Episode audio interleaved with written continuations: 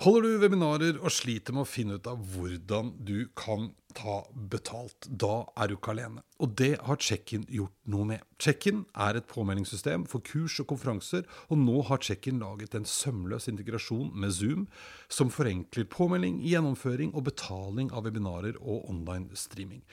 Sjekk ut checkin.no slash 30 minutter for å finne ut hvordan du kan tjene penger på dine webinarer med Check-in.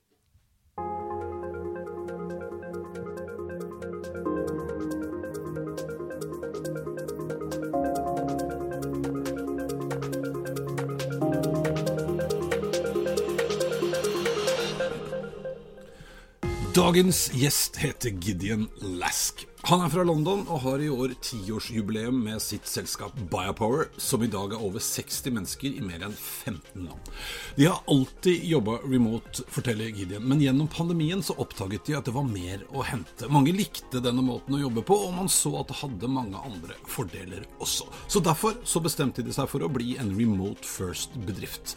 Her handler det om fullt fokus på folka dine. Hvordan de jobber, hvordan de kan jobbe bedre sammen, hvordan de jobber med verden rundt seg og med kunder osv. osv. Pengene Biopower sparte på å ikke leie fete lokaler i London sentrum f.eks., de reallokeres og investeres i menneskene og i å utvikle hvordan de skal fortsette å bygge kultur og jobbe godt sammen. Gideon han deler sine tanker om både prosessen og hvordan dette blir videre fremover. Dette det er 30 minutter inn i fremtiden, og jeg er Eirik Normann Hansen. So, yeah, there we are. Hi, Gideon. Hello, Eric. How are you? Uh, I'm fine. Thank you for joining me. Lovely to hear your dulcet tones again. I'm not really sure what that means, but I, I guess it's nice. It means it means that your voice is harmonious and pleasant to the ears. Dulcet oh, tones. That's my gift to you today. Thank you so much, my friend. So Gideon, uh, and thanks for joining me because uh, we've been talking about this for some time, and and I wanted to invite you in both because you're you're a entrepreneur. You built up a company over how, how long is it? Ten years? So, yeah, yeah. You can start by by ten yeah. years. Talk. Ten years next month. Wow! Yeah, this year. So it's it's your anniversary year. A ten year anniversary. I mean, listen, all the cliches are true. It feels like I've built ten businesses uh, every year is so different. And that's why this is the longest I've ever been in a business because it feels like, yeah, gosh, 10 businesses, 10 lifetimes within a decade. Um, and you know what, Eric, I couldn't be happier to have new challenges every day, to have an awesome team of people, to be growing it. Um, yeah, it's been it's been an epic decade.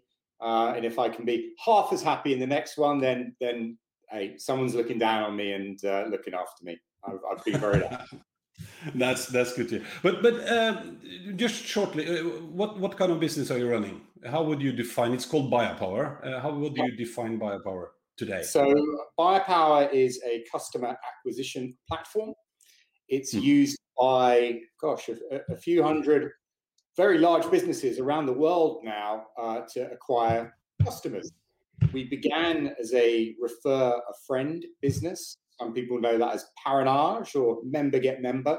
The idea being that you start with your existing customers and incentivize them to get their mates to become shoppers.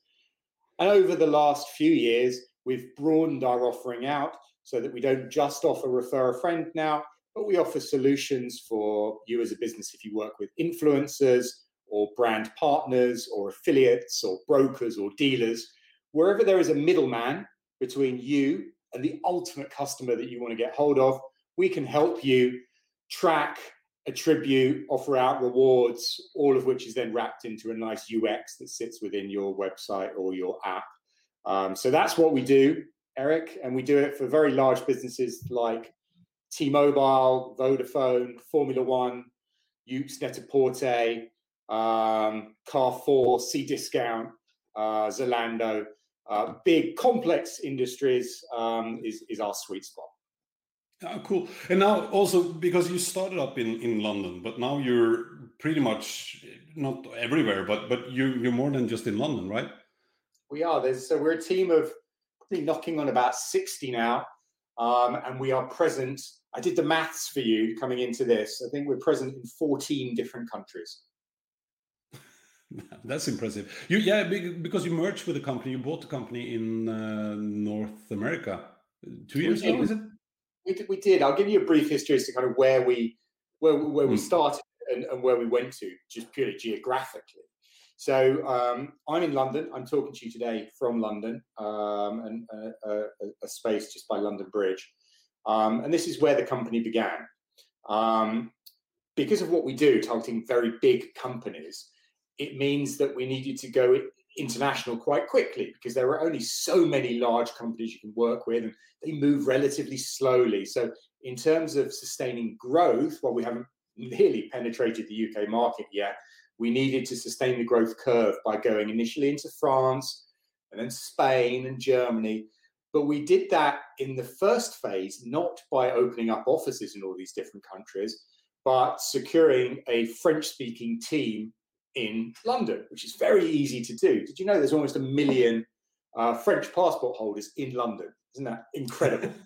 uh, I think they have two. It's like yeah, one fifth of Norway. Would that be? I mean, it's, it's amazing. I think they have members of the French Parliament allocated to London to look after kind of uh, voters and constituents here. Um, so it was easy for us to find these people, and we could operate as a French business, albeit being in London. And that's exactly what we then did Germany and Spain. Um, now, for, for North America, it was somewhat different because you had then time zone constraints uh, as well to think about.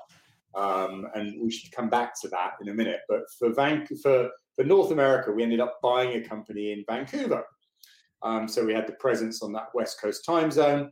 Uh, it also gave us uh, the, the, the, cultural differences of being a North American company. Uh, and in North America, people buy differently, they expect different levels of service.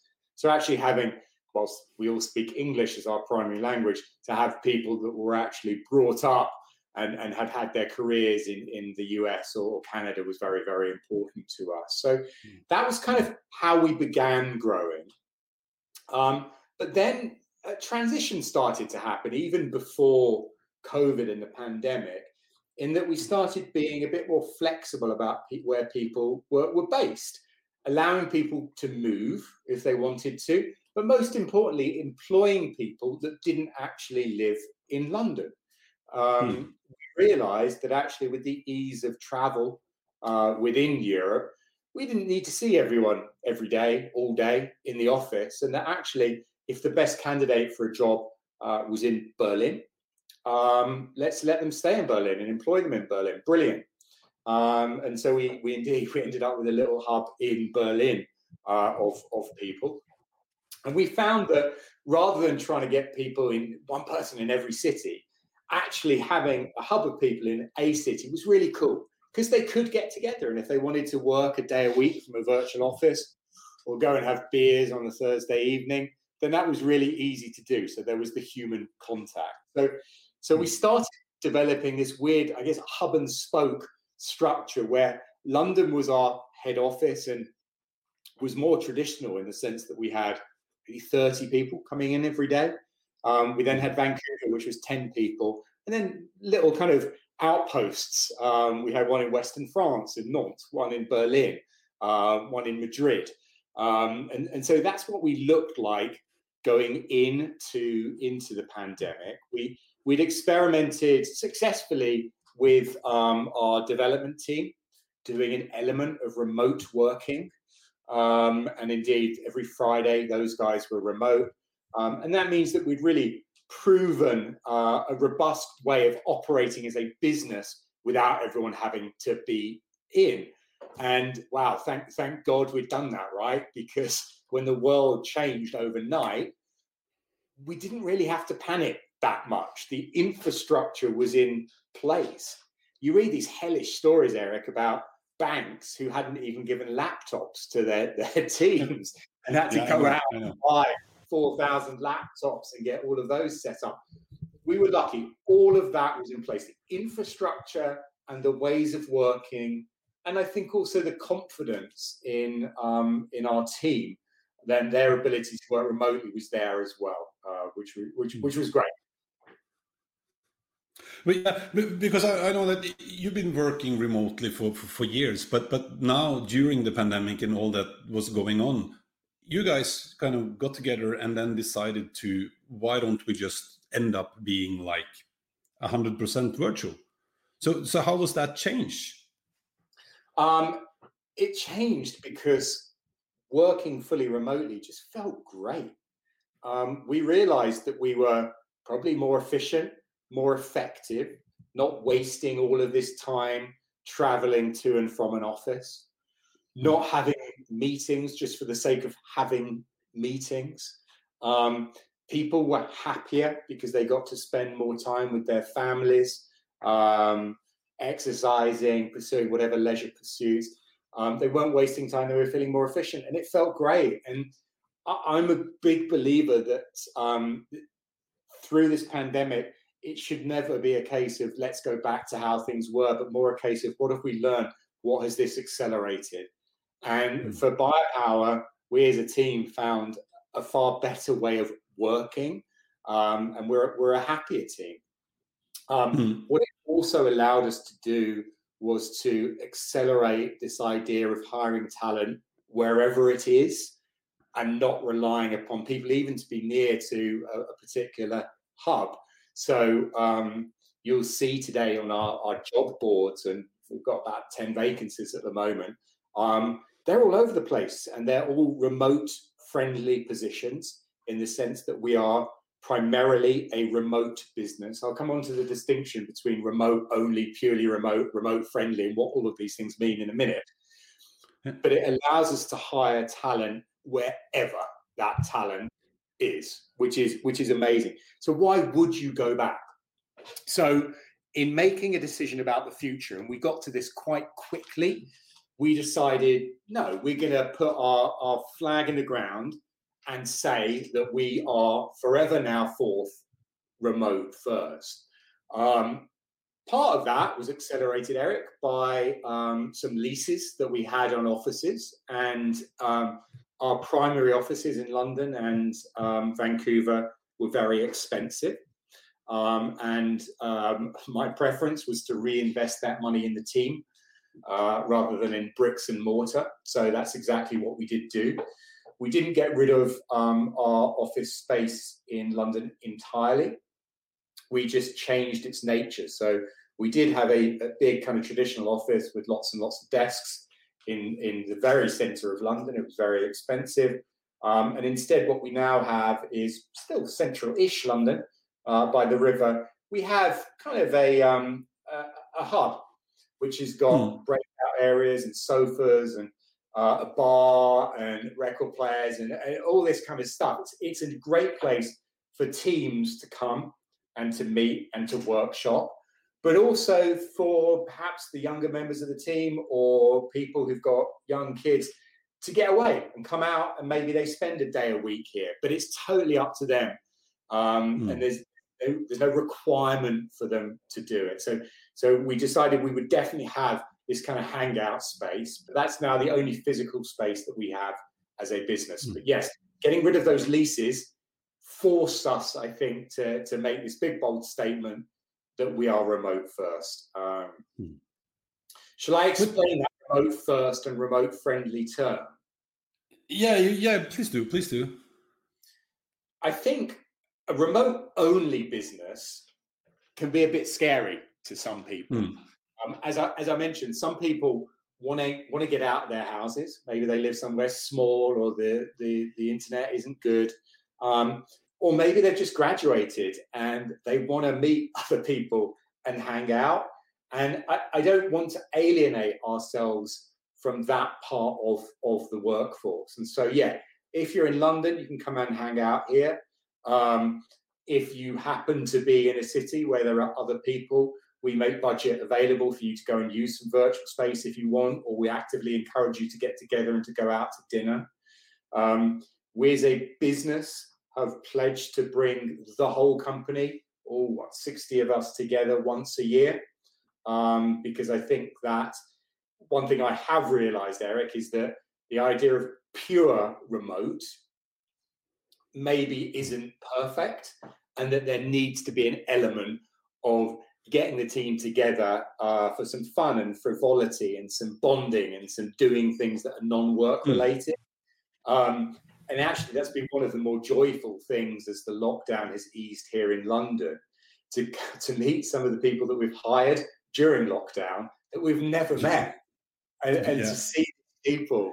Uh, we did a lovely lunch a couple of weeks ago for three of them, uh, and to see that they're three-dimensional human beings, and um, and just to get together and to talk crap over lunch and have some beers and some wine.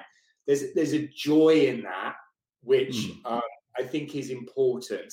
And whilst it does not need to be every day, it does need, I think, to be part of our culture and who we are as a as a business. So whilst we are remote first and we're remote friendly, I would never go so far as saying we are a purely remote business because I think that's too mm. cold, too stark but we are flexible. I will never force anyone to come and meet their colleagues face to face. If you really don't want to, you don't have to. But I will absolutely encourage people, and I'll make it available, and I'll make budget available, and I'll make time available for this kind of physical hangout to happen as well. Yeah. Yeah, but but do you think this? I mean, I really like the idea that you said that kind of getting rid of the traditional office space. You can have your desk elsewhere. You can have it at home or whatever but but having some kind of hub that is more it sounds like more uh, there to be just together not necessarily sitting down and, and doing your meetings there but getting together work together sit in the sofa social thing also but also kind of just meeting to be creative whatever. Do you think that's the new way? I, th- I think it is eric. I mean we've, we've we've all been on those zoom calls which have a, a title uh, brainstorming and it's all right, guys, let's be creative. Um, and yeah, you you kind of get there just about, but it, it's no replacement actually for yeah hanging out on the sofa, listening to some music, chewing the fat, coming up with some hmm. ideas. Because it's those moments of downtime uh, where, uh, for me, the moments of creative kind of brilliance uh, occur. Um, hmm. and, and it is very hard to replicate that digitally. I'm not saying it's impossible, but it's certainly hard. So, yes, I encourage teams. Um, and then as a senior management team, I will be endeavoring to get us together probably four times a year, um, yeah. just so we can have those moments of, of hanging out where it's not just work and stress and pressure. Um, and actually, we can just have some fun again. Yeah, but but what's what's your kind of? I know you uh, as a person. I, will guess you. I know that you're pretty close with with your with your people. Uh, what what's the reaction been? How how do they, as employees of yours, kind of reacted to this transition? So you've got you've got kind of the guys that were here pre-transition and pre-pandemic, and then you've mm. got your, your new new team members now, the people that were here, certainly for a while before the pandemic, um, yeah, we all know each other really well. We, we kind of live and breathe the business and, and the culture, and we and we get it. And they've spent endless hours with with me, kind of the founder, to the point they're probably sick of me. But they're kind of we, we all kind of we, we've breathed the same air for so long that kind of we're, we're, we're bound together by that, and in I think a really productive way. Um, and so you can you can deal with not being together all the mm. time. That kind of works. With the new guys, yes, they've been hired into a business which is remote first, and they understand mm. that. But it's so much harder to develop relationships uh, within the business, certainly outside of your specific team.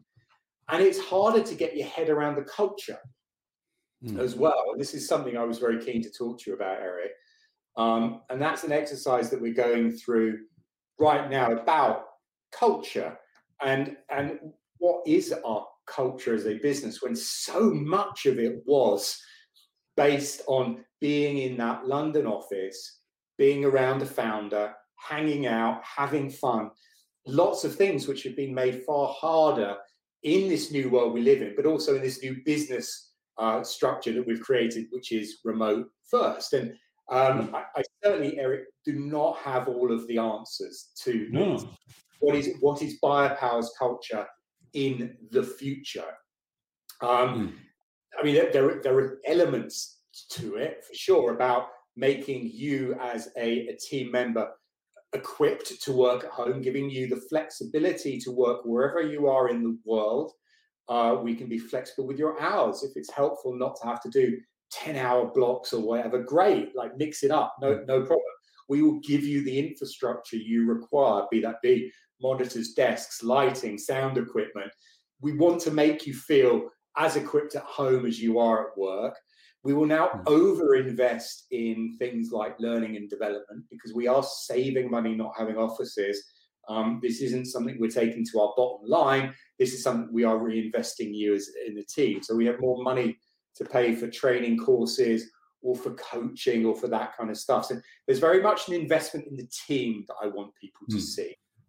There's um, the, the, I've done some uh, navel gazing. I'm not sure. Is that a, is that an expression that that works? Yeah, yeah. navel gazing, not navelskuren. Yeah, yeah. Yeah. So we do navel gazing, and, and what do we replace that fun element with? Because that was so hmm. important, mm. and it hasn't gone, but it's just it, it, it can't you can't manifest it every day.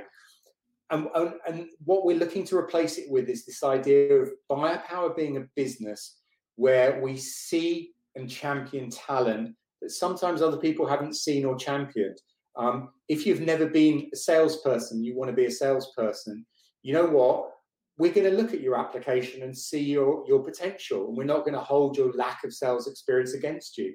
Um, if you want to go into engineering and become a developer, you've never done it before, um, but you've got some kind of transferable skills, but you haven't coded, you know what? We're going to look fondly upon you and we're going to give you a shot people within the organization. Um, they can move departments and teams, they can learn new skills. As we've said earlier, if you live in Colombia, our latest hire is a girl called Laura who lives in Colombia. Great, why not? Yes, we needed someone that spoke. Let's go to Colombia. Absolutely. Um, yeah. so, so it's about spotting talent where it's not usually seen and, and maybe it's been overlooked in the past. And and that for me is a big, really important part of our future, um, which mm. which feels actually more credible and, and, and wholesome to our stage um, rather than just having fun and going and having a beer. Actually, really being proud of our ability to to find and nurture talent. Yeah, but I, but I also think that one very important thing that that you guys obviously have come to realize is that yes we can save some money on not having big offices anymore but that's as you said we don't put that on our uh, it's not just to to to save money. We reinvest that money in all the other stuff that we need to do. And i i also sense that another important thing to remember and i think a lot of people who have now been kind of locked down for a long time we have a tendency to see things very black and white. It's like we need to get out of here, but but it's not a, a case of going back entirely or being locked down forever. It's like taking the best of what we learn now and see how we can use that to make a even greater company. I, I, absolutely, I think so much has been learned in the last year. Um, one of the things I'm recognizing, and hence the investment in the team and the culture and stuff, Mm-hmm. is not only is it an opportunity that I can employ people anywhere, but it's hmm. also a threat because I'm not I'm not now only up against London-based employers for hmm. talent. I'm up against every single growth stage business in the entire world who is yeah. talent, right? And hmm. offline, you and I have spoken about how challenging it is to find product people and, and engineers right now yeah. because it's a it's a golden time for them. They every business will allow them to work remotely, and there is an opportunity for them to work for any company in the entire world. All they need to know is a particular language. Um, and gosh, if you're a React developer, we're looking for React developers um, and React developers if you're out there. Um, if you're a React developer right now, gosh, I mean, thousands of companies are, are, are looking for you. Um, yeah, yeah. So that's a that's a big threat. And so I need to ensure that Buyapowa as a potential employer stands out as different, credible, um, and as a employer of existing team members, I don't want you leaving because you're you are the, the lifeblood of my business. You're the talent, you're the superstars. So how do I nurture you and ensure you want to stay rather than going off to work for these thousands of potentially threatening other growth stage businesses? Yeah, but, but but talking about that, I mean, do you have any kind of advice for especially leaders, team leaders now suddenly, as you said, hiring people that you don't meet physical? It, it may you may not meet them for weeks or months or maybe not ever. Uh, how should you go about that? How how can you kind of as I said, keep them? How can you motivate them? How can you make sure that they do what they're supposed? To? I mean, all these things that we've been used to kind of if I wonder about something, I'll just pull you into my office and we'll have a talk. It doesn't work that way anymore. So f- finding and keeping are, are, are 2 mm. separate points. So let's let's talk to both of them. Um, mm. I think in terms of finding or selecting the talent for whom this way of working is, is going to work is very important. If you have never worked remote before, this is going to be a bit of a shock to the system. Um, many people haven't. So you have to look for people who you think are going to make that transition. Um, there's a lot of people who like going into a big corporate office and being in a building still with hmm. hundreds of people. And you know what? There are still opportunities for those people out there. When you join a startup or a growth business, especially when it's remote, you need to look yourself in the mirror and say, is this right for me? Am I happy hmm. setting up my own laptop? Or actually, am I expecting an HR department and a, a tech guy to come and arrive and do all of this stuff for me? Um, I think to be to be happy in a remote first business, you do. You need to be self-starting, proactive, confident person who can go out and knock on the Zoom doors of your associates and say, "Hey, mate, I'm not on your team, but I'd love to hang out for a cup of coffee tomorrow and just get to know you. So mm. it, it's quite important to look for those those ingredients. It's also important to look for people who um, who, who, balance out a remote culture. Um, there's nothing worse than doing a big Zoom all hands or a stand up where you're the only person talking. So you need to have a nice blend of um, the gregarious, the confident, the the outgoing, as well as people who maybe aren't so outgoing. But you need to have that balance. So in in recruiting and hiring talent, I'm looking for all of these things now. Not mm. only can this person be awesome at their job, can they handle our remote way of working, and do they bring something to our culture? Um, yeah. So these, these also, are uh, but, but also, as I said, for for the employee uh, themselves, you also have a responsibility to kind of be aware of if, if this is something that you think is right for you or not, I, because it's I, different. I, absolutely, and we will very actively ask you it. We'll say, "Have you thought about what this is going to be like for you?" In terms of the existing team, um, and you, hmm. you gave a great example there of kind of the ability maybe for a line manager to pull someone into a room and have a chat. And, and hmm. indeed, you're in an office with someone, you notice if they're unhappy or if they're sad or looking stressed or tired. Um, it's, it's far harder to see that in Zoom um, for the narrow windows that you talk to people. So I mean, we, we do we do a few things, and we try not to do it in, in a hugely structured way, but certainly, kind of as a management team, we like it to bubble down, and we encourage people to do it. The start of every call and at the end of every call, don't talk about work, talk about life, have a laugh hmm. with people. Um, so yeah, eighty percent of a call, fine work, but the, the other ends of it, just shoot the shit, chat the crap, have have some fun. Fun, yeah, really, yeah, yeah. really important. Um, we also have the most amazing um, VP of talent, um, Michelle, who's just um, a rock star. No one is allowed to yeah. come and poke her, so I won't mention her surname, but please don't. Um, she she's she's epic, and um, she she coaches the, the team, and she will do mm. regular check-ins with everyone, making sure they're okay, encouraging them to talk about any issues they've got, helping them understand what can make uh, maybe the transition better or this new way of working better. Hmm. Um, but she um, is is the, the eyes and the ears, looking out for issues, trying to make us better at how we work and and um, and our relationships with our colleagues and our peers. Um, and so that has been a super important part of the transition. The, the coaching element of it, the check-ins, not doing it in a horribly structured way, but the casual kind of way that you would do naturally if you were in an office with these people. You know, and and that's maybe also a very important point here that that some of us or some of the management team or like her HR their role is changing. You have to be maybe more proactive. You have to be more kind of individual meetings, follow-ups, checkups. But but just out of curiosity, have you tried any kind of new platforms? I've been testing a few platforms who aim to kind of narrow or I don't know uh, as a substitute of the uh, um, um, uh, what do you call that? The, the informal kind of communication going on in a typical office space. You have have a platform called Wonder Me, where everyone is icons and you can wander around. And if you connect two dots or three dots or fifteen dots, people, then the camera will turn on and the microphone will turn on.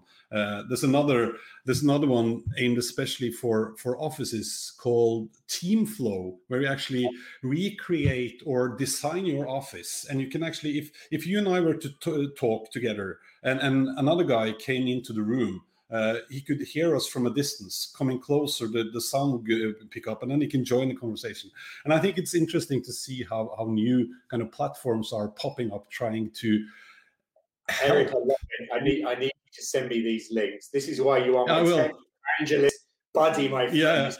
Learn about stuff. So yeah. thank you for your recommendations. I'm going to take yeah. your advice, add it to everything I've done, and then you should invite me back in a year, and I'm sure it will make better. Yeah, but now 30 minutes is gone. Uh, I meant to ask you about being kind of the business owner as well. We could do that another time. But but kind of summing up, I really liked and loved the idea that you kind of realize that the world is changing. It's a lot of positive potential in this. Uh, there's also a lot of, I mean, areas you can save money, but reinvesting that money into your employees, into the teams, encouraging them to kind of think differently, be social if you like, have that hub, uh, as you said, uh, and really focus on making areas where we can meet, but also when we're not can meet, how we can do that even better. I, I love that how to end up or some, not sum up end up but i always ask my guests how do you gideon think that the world look what, what does the world look like in 2030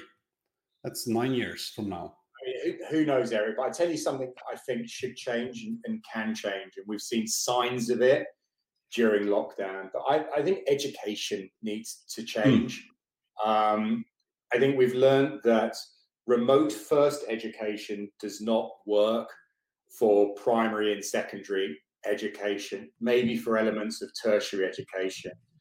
We have been reminded of how important it is for our kids and, and youth to get together. But equally, we've seen how effective technology can be at bringing tutors and classes um, available to those who maybe haven't had access to it for mm. economic social or geographic reasons. Um, I, I, think if I compare education to healthcare, because these are the two areas which have seen big change over the last year, mm. I think healthcare, we have a far better idea of where we're going to go, and we kind of know how to take the journey, and we're very excited about it. I think something like in the UK now, 50% of doctors' appointments are via some form of telehealth platform. It's incredible, and it's working mm. in the education, we still really need to figure it out. We've seen the potential of how it can change and bring good to everybody, but we don't know quite what the roadmap is now. And maybe that's why I single out Eric, because in what in the nine years we have between now and 2030, now's the time for us to be figuring it out. What changes do we want to bring about within education? Mm-hmm. Let's start building the technology and let's start rolling it out and yeah, let's start benefiting those kids out there who don't have access to what they should have access to, uh, and, and give them the opportunities which which we, you and I, were lucky enough to have had. Sounds like a, a great plan, and I totally agree with you. Both of us having kids and seeing how kind of sometimes the educational system feels like they're not lagging a little bit, but hugely yeah. behind. Yeah. Thank you so much, my friend. It's been a pleasure having you on my little uh, podcast show. Send my love to Oslo. Um, I hope to be back there very soon. I miss it. Thank you so much. Take care, Eric. Thanks for the time. Cheers.